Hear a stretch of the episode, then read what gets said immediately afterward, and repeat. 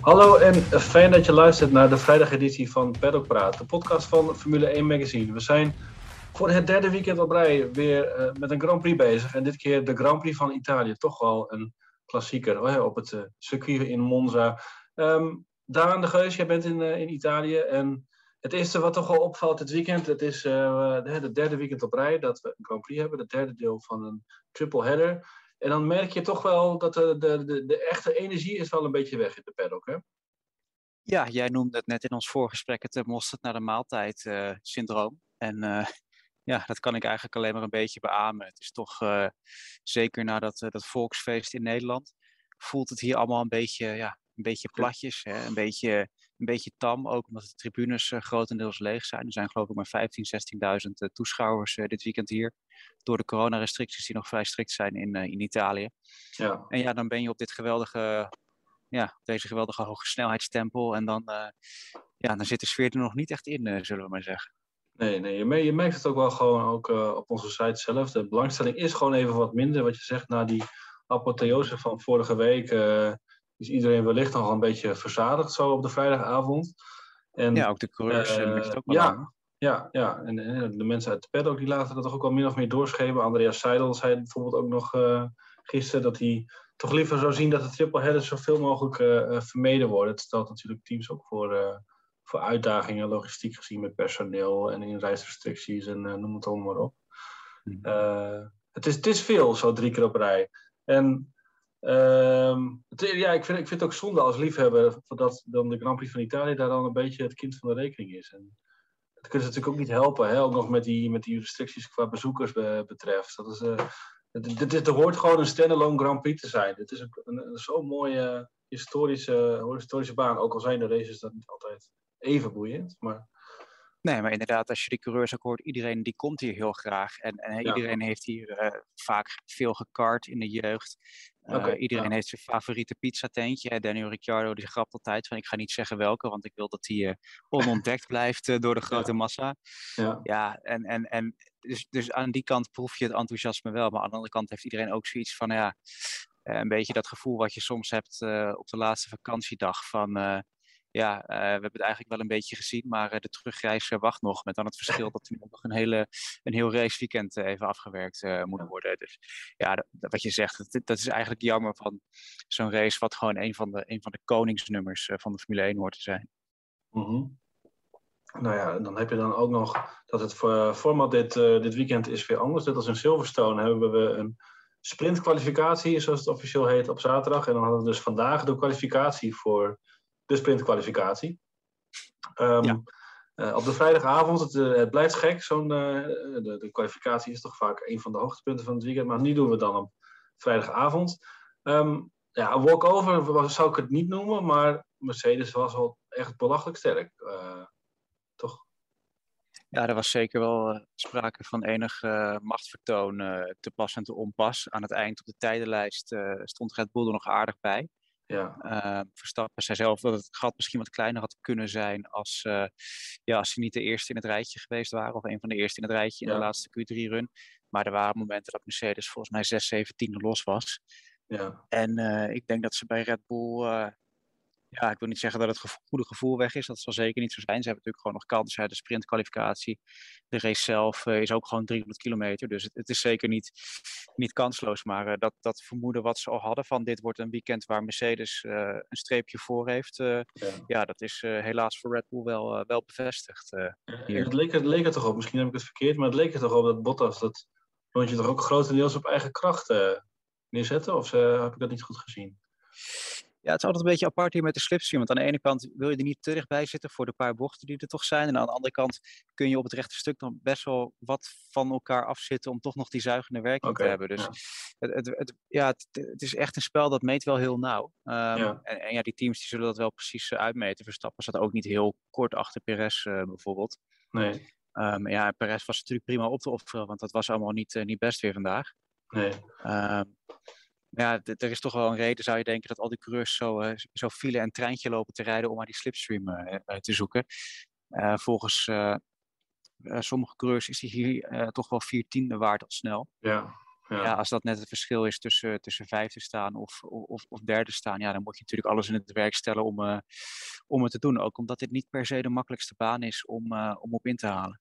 Dat betreft, uh, Verstappen heeft de McLaren's net achter zich gehouden. Het scheelde een paar honderdste. Wat dat betreft had het nog veel slechter in wezen kunnen, kunnen aflopen. Hij zei ook nog na, de, na zijn tweede run, zei hij, ja, in onze eerste run hadden we inderdaad meer auto's voor ons. En daar hebben we toch meer het voordeel uitgehaald. En in de tweede had hij dus alleen Perez voor zich. En dat is uh, misschien dat verschil wat je net uh, aanstipt, dat hij dus nu uh, wat hij misschien misliep.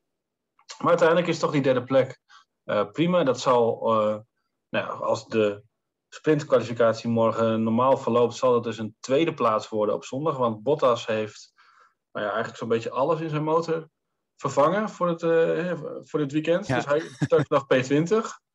En zal het uh, vanaf daar maar moeten zien te rooien. Zo krijg ik een beetje het idee. Ja, en we weten natuurlijk van Bottas, dat is niet uh, de sterkste inhaler. Uh, kan een beetje terughoudend zijn daarin, is hij vaak. volgens mij mhm. vorig jaar hier na die rode vlag zag je ook dat verschil met Hamilton, die echt nog goed naar voren kwam vanuit het achterveld. En Bottas die een beetje op, wat zat hij toen, P6 of 7, en dan bleef hij een beetje plakken. Um, aan de andere kant, ik snap toch wel dat ze die gridstraf hier doorgevoerd hebben voor hem. Want, of die motorwissel met gridstraf. Uh, want het weekend hierna is natuurlijk Sochi. Of over twee weken is Sochi de race hierna. En daar is hij altijd ijzersterk en maakt hij gewoon kans op de zegen. Dus ik denk dat ze dat toch hebben willen beschermen. Dat ze dan zeggen van nou, dan nemen we liever hier de pijn. Dan op een circuit waarvan we vrij zeker weten dat hij gewoon in de top drie uh, standaard meedoet. Ja, en je zegt uh, qua inhalen is hij misschien niet de koning. Aan de andere kant, het het lijkt hier een kwestie te zijn van uh, vol gas en ja. de langs razen. Want uh, ze zijn zo opmachtig op die, op die rechte stukken. Dus misschien, ja, het, het zou toch wel mogelijk moeten zijn om voor hem in ieder geval een ja. top 5 plek te halen. Tuurlijk, ik bedoel, ik weet dat zijn contract voor volgend jaar bij, bij Alfa Romeo dan weliswaar binnen is. Maar ja, laat het maar een keertje zien, jongen. Ik bedoel, Perez die had het in Nederland natuurlijk ook allemaal te doen. En uh, had daar ook een auto die een stuk sneller was dan die van de rest. En, en die klaarde de klus ook op een baan waar inhalen ja, in, in de naam heel moeilijk is. Ja. Dus uh, dat het op Monza nu zo is. Uh, en ik denk dat Monza alsnog een, een trapje makkelijker is dan Zandvoort. Ja, hij moet het maar gewoon laten zien. Ja, ja oké. Okay. En verder dit weekend, wat, is nog een, wat zijn hot topics? Hebben we het toch over Silly Season, wat nog steeds een beetje boven de, nou ja, de paddock hangt?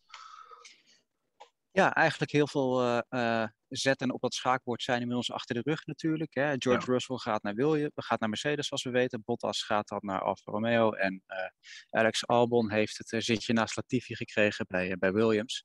Ja, die laatste was dat toch wel redelijk onverwachts. als ik een beetje de reacties spel.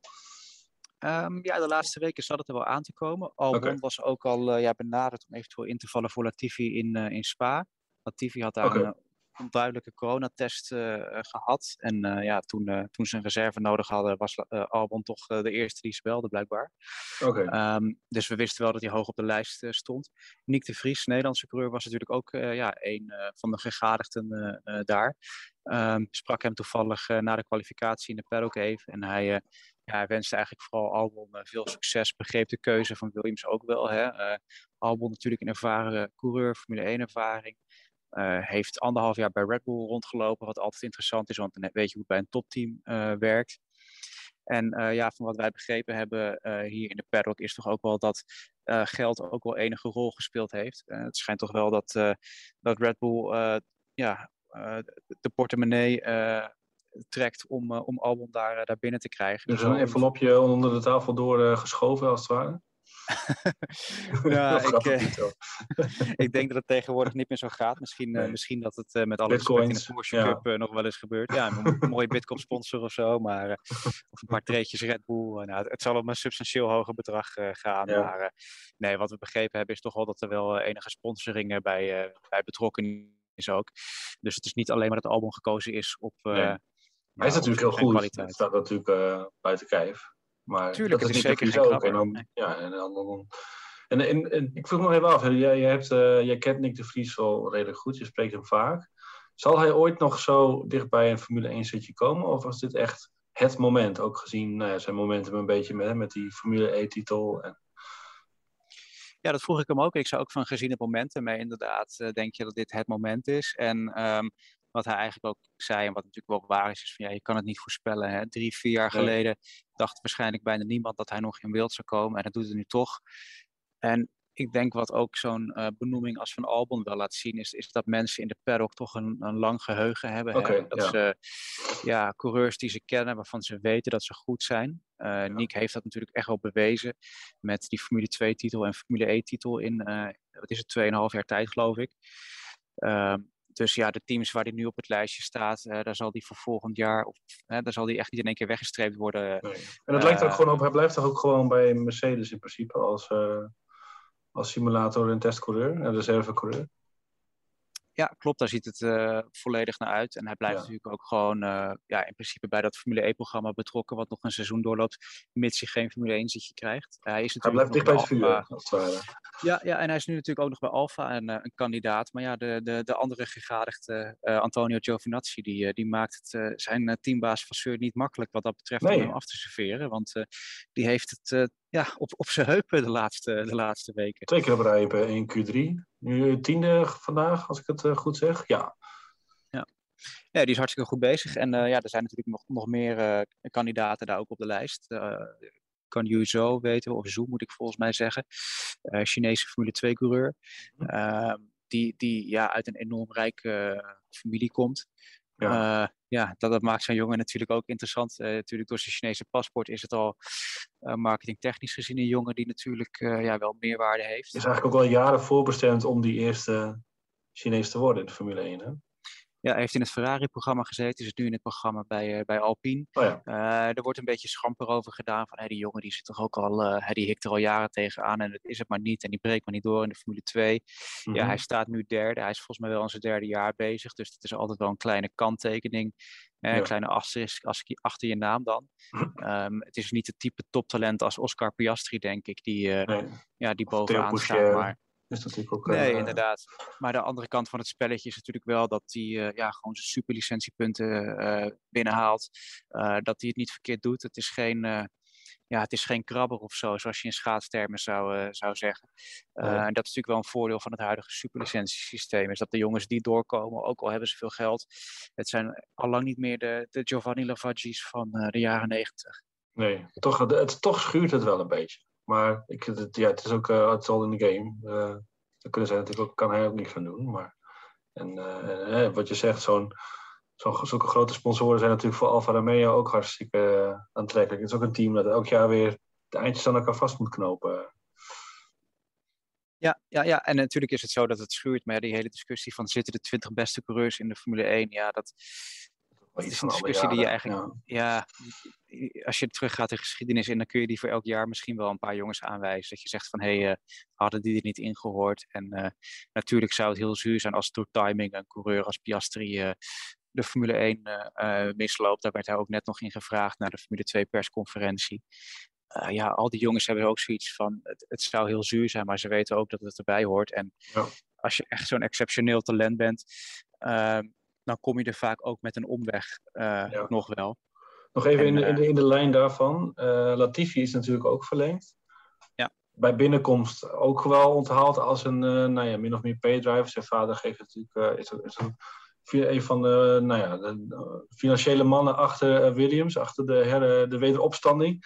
Maar bij hem merk je wel iets van, oké, okay, er is toch wel een beetje een kentering. Zo van, hij heeft het toch ook wel, toch wel redelijk verdiend. Ook al is hij uh, volgens mij uh, 30-0 door uh, Russell verslagen in kwalificatie wel. maar, ja, nee, Russell is natuurlijk wel een coureur die ook in de buitencategorie ja. thuis hoort. Ja. Um, ja, weet je, met, met Latifi, je ziet toch wel dat er, dat er een, een mate van groei is. Het zal nooit een, een enorme stormer worden waarschijnlijk, ja. maar het kan best een prima degelijke coureur worden. En ik denk waar het ook een beetje wringt is dat ja, in de tijd dat je 26 auto's op de grid had en uh, 12, 13 teams, had je er wat meer vrede mee misschien dat zo'n jongen hè, eh, de Formule 1 in kwam en een paar jaar een stoeltje bezet hield. Uh, uh, omdat dan ook een, uh, destijds weet ik veel, een Ricciardo of, of wie dan ook nog wel doorstroomde.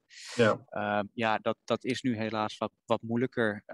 dat is ook de financiële realiteit natuurlijk. Ik denk ook dat niemand erop zit te wachten dat de teams twee enorm getalenteerde coureurs strikken, maar halverwege het seizoen in één keer ja. omvallen.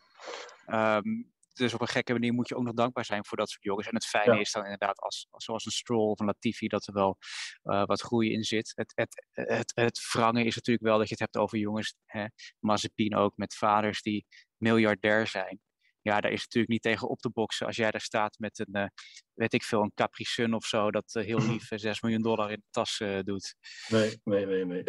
Capri Sun, ja, lang niet, lang niet ja. aan Capri Sun gedacht. Dank daarvoor. uh, nog even voor morgen de sprintrace, of sorry, de sprintkwalificatie. Um, twee Mercedes op kop. Is dat niet een kwestie van niet meer omkijken en die zien we bij de finish weer? Ja, dat lijkt me wel. Bij de start een blok zetten en, uh, en recht zo die gaat. Dat zal zeker wel uh, besproken worden daar. En dat is ook een beetje het, uh, het angstscenario natuurlijk. En dan hebben we het geluk dat het een, een sprintkwalificatie is die, als het goed is, niet heel veel langer dan een half uurtje duurt. En ja, dan, maar hopen dat het, ja. ja. en dan maar hopen dat het zondag met Verstappen vermoedelijk op de eerste rij, als alles goed gaat, even afkloppen. dat het zondag ja, een wat spannender spektakel wordt. Ja, in principe is dat eigenlijk uh, het spannendste moment van het weekend. Maar hè, mocht, uh, normaal gesproken zullen zij samen op de eerste rij staan, Verstappen in Hamilton. Die bocht 1, dat blijft natuurlijk een... Uh, is een bottleneck, hè? dat, dat kan het ook nog wel, ja. ja, dat kan het ook nog wel interessant maken. En die tweede chicane is natuurlijk ook verraderlijk. Dat, ja. dat zie je zeker als ze met z'n allen daarop afkomen. Dus, dus het is zeker niet gezegd dat alles, alles gedaan is. Maar... Nee ja, het wordt wel uh, wat je zegt. Uh, als Mercedes gewoon een goede start heeft, dan, uh, dan zien ze die niet meer terug. Nee, goed. Dat zien we morgen. Dan is de sprintkwalificatie om half vijf onze tijd. Dan hebben we eerst nog om twaalf uur de tweede vrije training. Daarin zal vooral gefocust worden nou op de laatste puntjes op de i voor zondag. Wat kunnen we daar nog aan verbeteren? Um, voor nu ja, zeg ik dankjewel Daan. fijne avond. jij gaat naar een van die vele pizzatentjes. Misschien heb je een tip gekregen van uh, een coureur hier of daar.